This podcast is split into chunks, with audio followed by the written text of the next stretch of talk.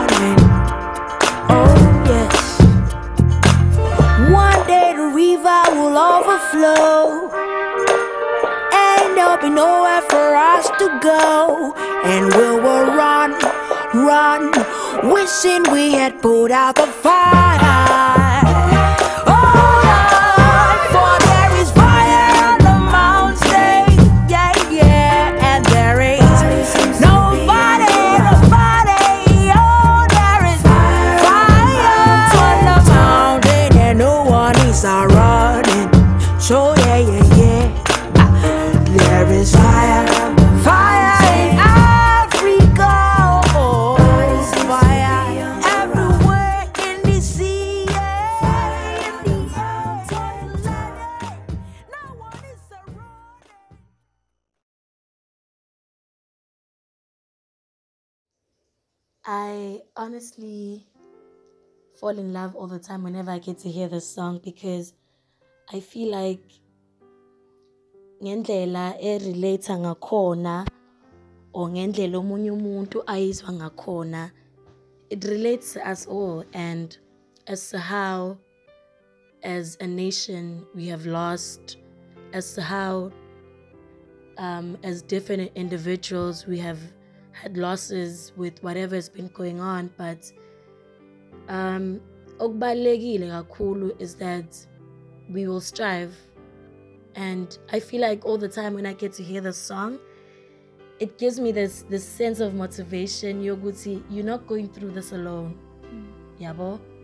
akusimina ngedwa who's facing tribes and treatment tribulations nabanye abantu are going through their own different stuff yeah. it may not be the same but you may never know how the weight is komunye umuntu yeah.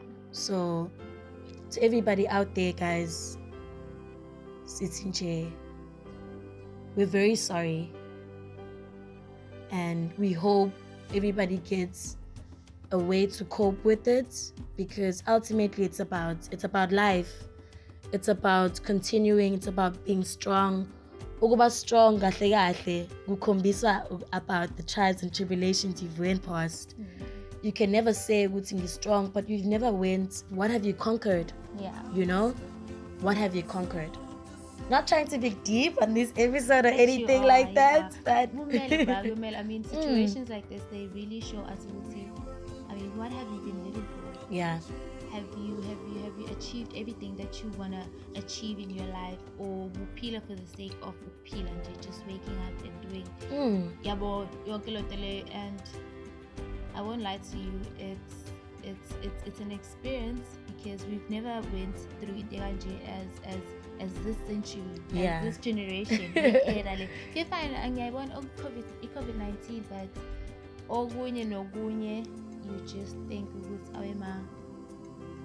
are we ever going to get through this? Or is this how abazali bethu felt when they were going through what they were going through? Or it's, it's, it's a different kind of change you're not used to. Yeah. It's like it's bringing light into your life and telling you, ukuthi life is too short. Yeah. When into is live to the fullest, enjoy it, have the same energies you've always wanted to have, bring it out basically. Bring it out because you never know ukuthi kuyokwenzakala nini where you die where something happens to you where yebo life is, is, is, is, is angazi ngachaza kanjani it's different because khona abantu abaphilayo nezinye izimo thina sicabanga ukuthi we wouldn't be able to live with but they're living you know their fullest life mm. anyway see floss podcast not trying to be deep and all that but we're just letting it out there you know ukuthi akusiwena wedwa who's going through shit you're not alone. Um, we're going through our own as well, but siaphila, we should be grateful for life, life, and achieving what we've always wanted to do. Take it as a second chance or a revelation. Yoguti, this is life, and I want to do it the way I want to do it. Let it out. Show it to the people. Because you never know if Tina so appreciates it. You don't know. But the more you strongly believe in what you want to do, the more we're going to recognize you. You know? Yeah, I really feel like you're talking to me. Maybe I am. Who knows? I really feel like you're talking to me, but Baba, I've been going through a lot of shit. Yes, so yeah. Since cats uzicabanga ukuthi awe ma am I ever gonna make it out of this tunnel nje or mm. or impilo vele is it supposed to be like be this? like kumele ibe nzima vele i mean why why why should it be why should it be like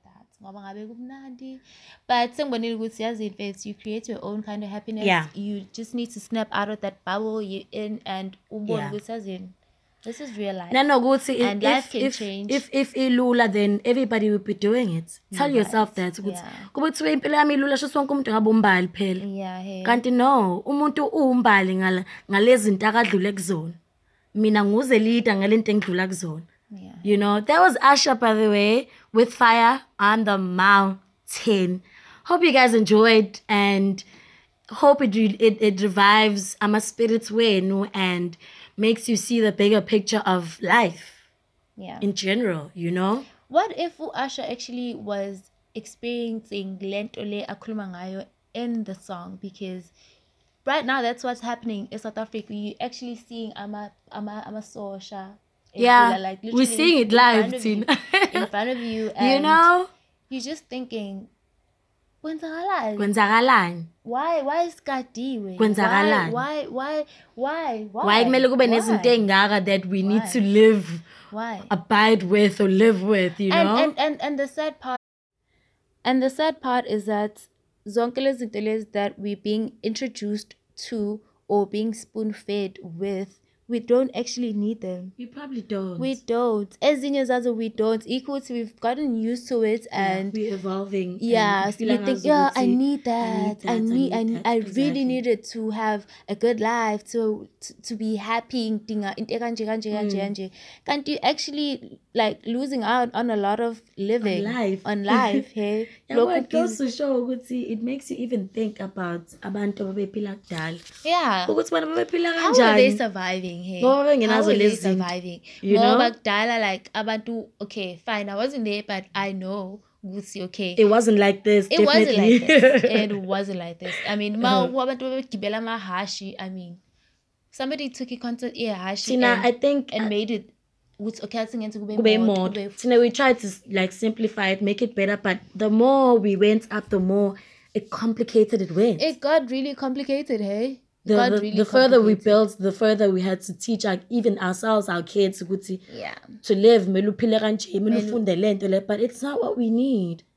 we need life at itself pure at its purest yeah you know Kodwa-ke since we have chosen this life, this is the consequences of thinking that we are civilized people. Yeah, ne? It's all in the mind. Look, it's ah, civilization. I mean, guys, I hope everybody is just surviving. Yeah. Survive, yeah. deal with everything inside you before getting it out there because it kalalapint, you know, having to fight battles on the inside. and fighting battles that are not your own yeah ne? i mean khona amanye ama-battles obona ukuthi yazini you will figure it out and i'll be there for support you mm. know i'll be there but ekugcineni you need to pull yourself out of that hole out that of that gutter alone in. exactly yeah. umuntu can only do so much yeah but you guys what day is it even today umgcibelo is it waze wamnandi umgcibelo it's a good saturday you know we hope everybody's doing well Mm. And right now, we would like to introduce Nai Ingoma. Oh, it's called The Sun by U CB No Ghost. And, and Cam Cleveland. Yes, it's called The Sun. Enjoy, Enjoy you guys.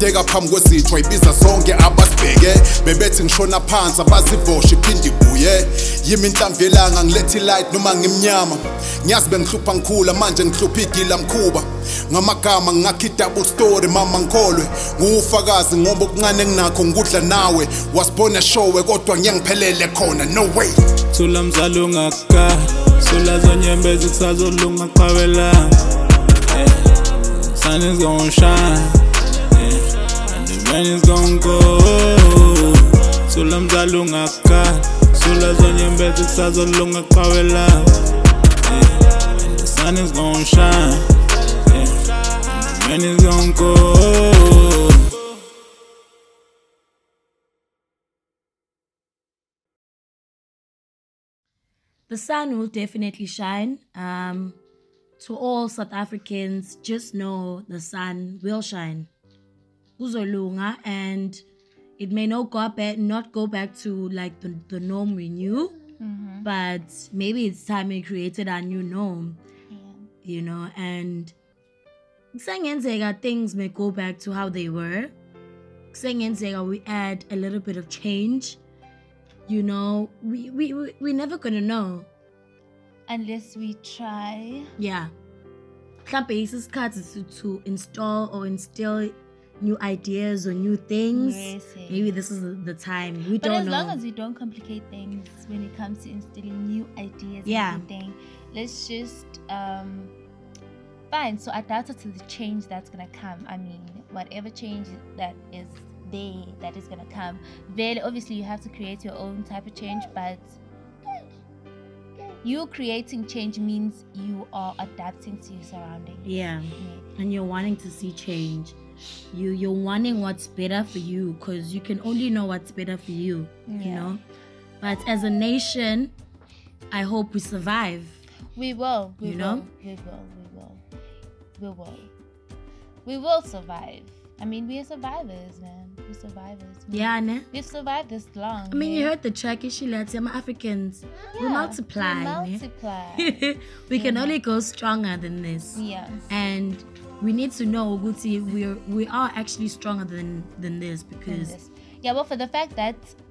everybody that lost their businesses or lost their lives while looting and whatsoever, you guys just had to know, Guti, from from the beginning or before everything happened, who was I? What was I doing? What was special about me, you know? And and like Kukuzelek, Nami, I lost hope when everything happened. I was like, why am I even trying? Mm. Why why why should I bother? Do you why? even want the things you thought you wanted, you know? yeah even if i acquire all of those things am i still going to be regarded as as the same person that i was or nifuna like a new type of thing. I don't know how to put it, mm. okay? But but it's more like a self-discovery. Yeah, and and and it's gonna create uh, two generations. The type of people that that that are gonna think. Um,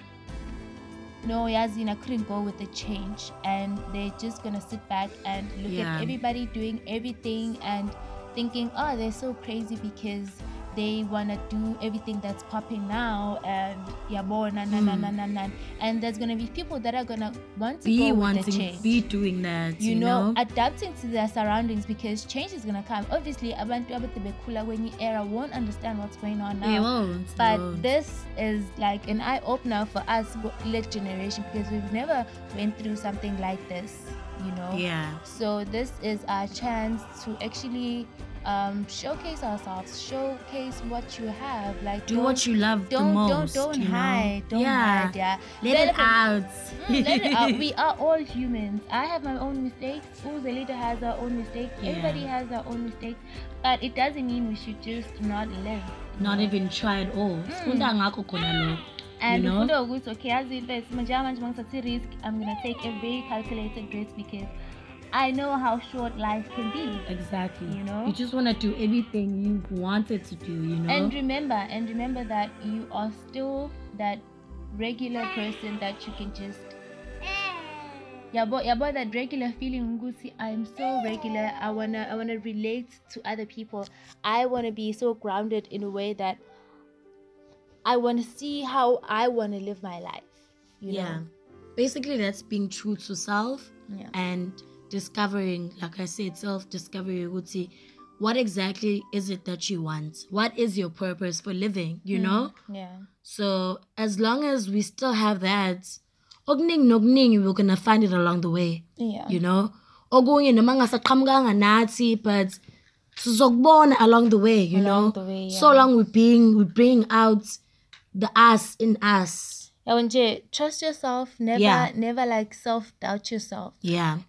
any idea that you think is popping in your head are we doing validation from somebody else would say hey that idea would go would be so dope this or whatever you should really run with it the moment you think about it run with it i mean i've actually proven this thing who saying as in I've thought of an idea and then boom, somebody else does the idea and you're like, oh, why didn't I do it? I wanted to do uh, uh it, uh, but you could have done it. You could have done it, and you can still do it because in your own in way. your own way. Because exactly. I see, I see, I see Zishi. Our stories the, the same way. Exactly. Fine. It might be that everybody in the world like ukhala ngento eyi-one we don't know what it is but into eyodwa and wonke umuntu has a different way of finding it and has a different way of discovering mm, like different paths and everything mm, it won't go the same way so stop trying to ungathi uphila like ngempilo ukuthi oh ah, we've seen how it is in america so i think it's going to be like that yeah ah, no. uh, it's not no. it's not we don't know how it's going to be you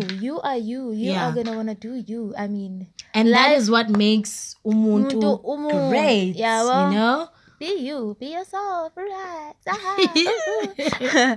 I won't lie, I won't shame. It's when everything happened, I was like, I haven't, I have, I haven't, I haven't. Yabo uma ngithi I haven't, sengibalo haven't bonke labo engazi ngiba haven't.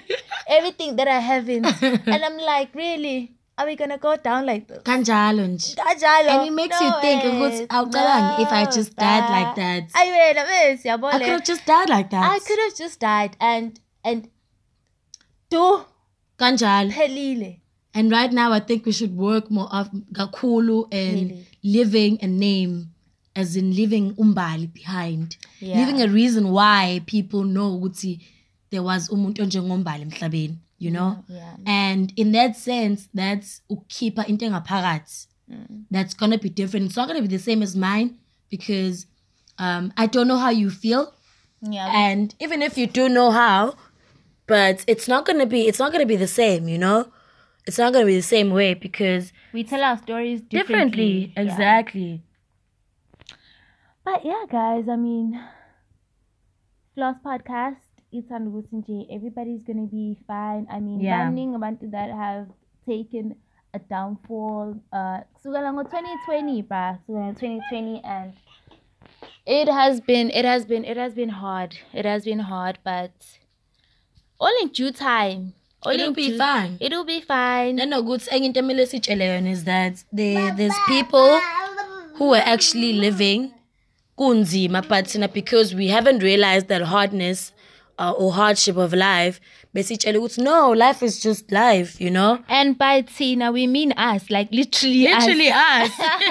literally us us you know um there's a lot that's going on out there mm. there's people who've been living like we they li- we are living now Yeah. And so now we've always thought it's nah, it'll never happen to us. No ma, we wouldn't be able to adapt or whatnot. But whenever a situation is sipam gwakho, It's like iyakubuza ukuthi so what are you going to do about it? It's like poking you in the face. What yeah. are you going to do about it? What are you going to do about it? And, ngila, mm, and I'm not going anywhere. Eventually, it's going to be face to face with you, you know? Tina yeah. we just need to find a way.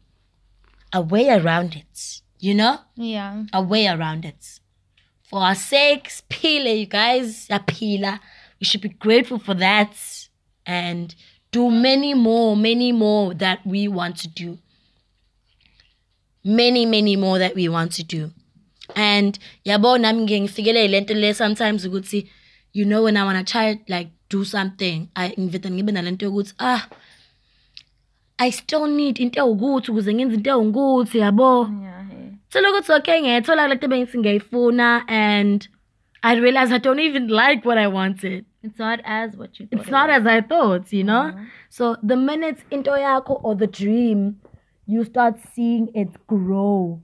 And not just saying good see I eat about right mm. but you putting the energy towards it.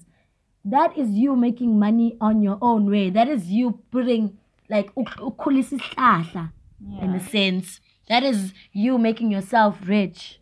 And not rich like money wise only, but and not rich like money wise only but spiritually as well you know spiritual growth um it helps yeah but um tell us tell us tell us how all this has affected like your livelihood engage with us join the conversation on our facebook page under if lost podcast follow us on instagram floss podcast and please subscribe to our youtube page Be Flawed podcast.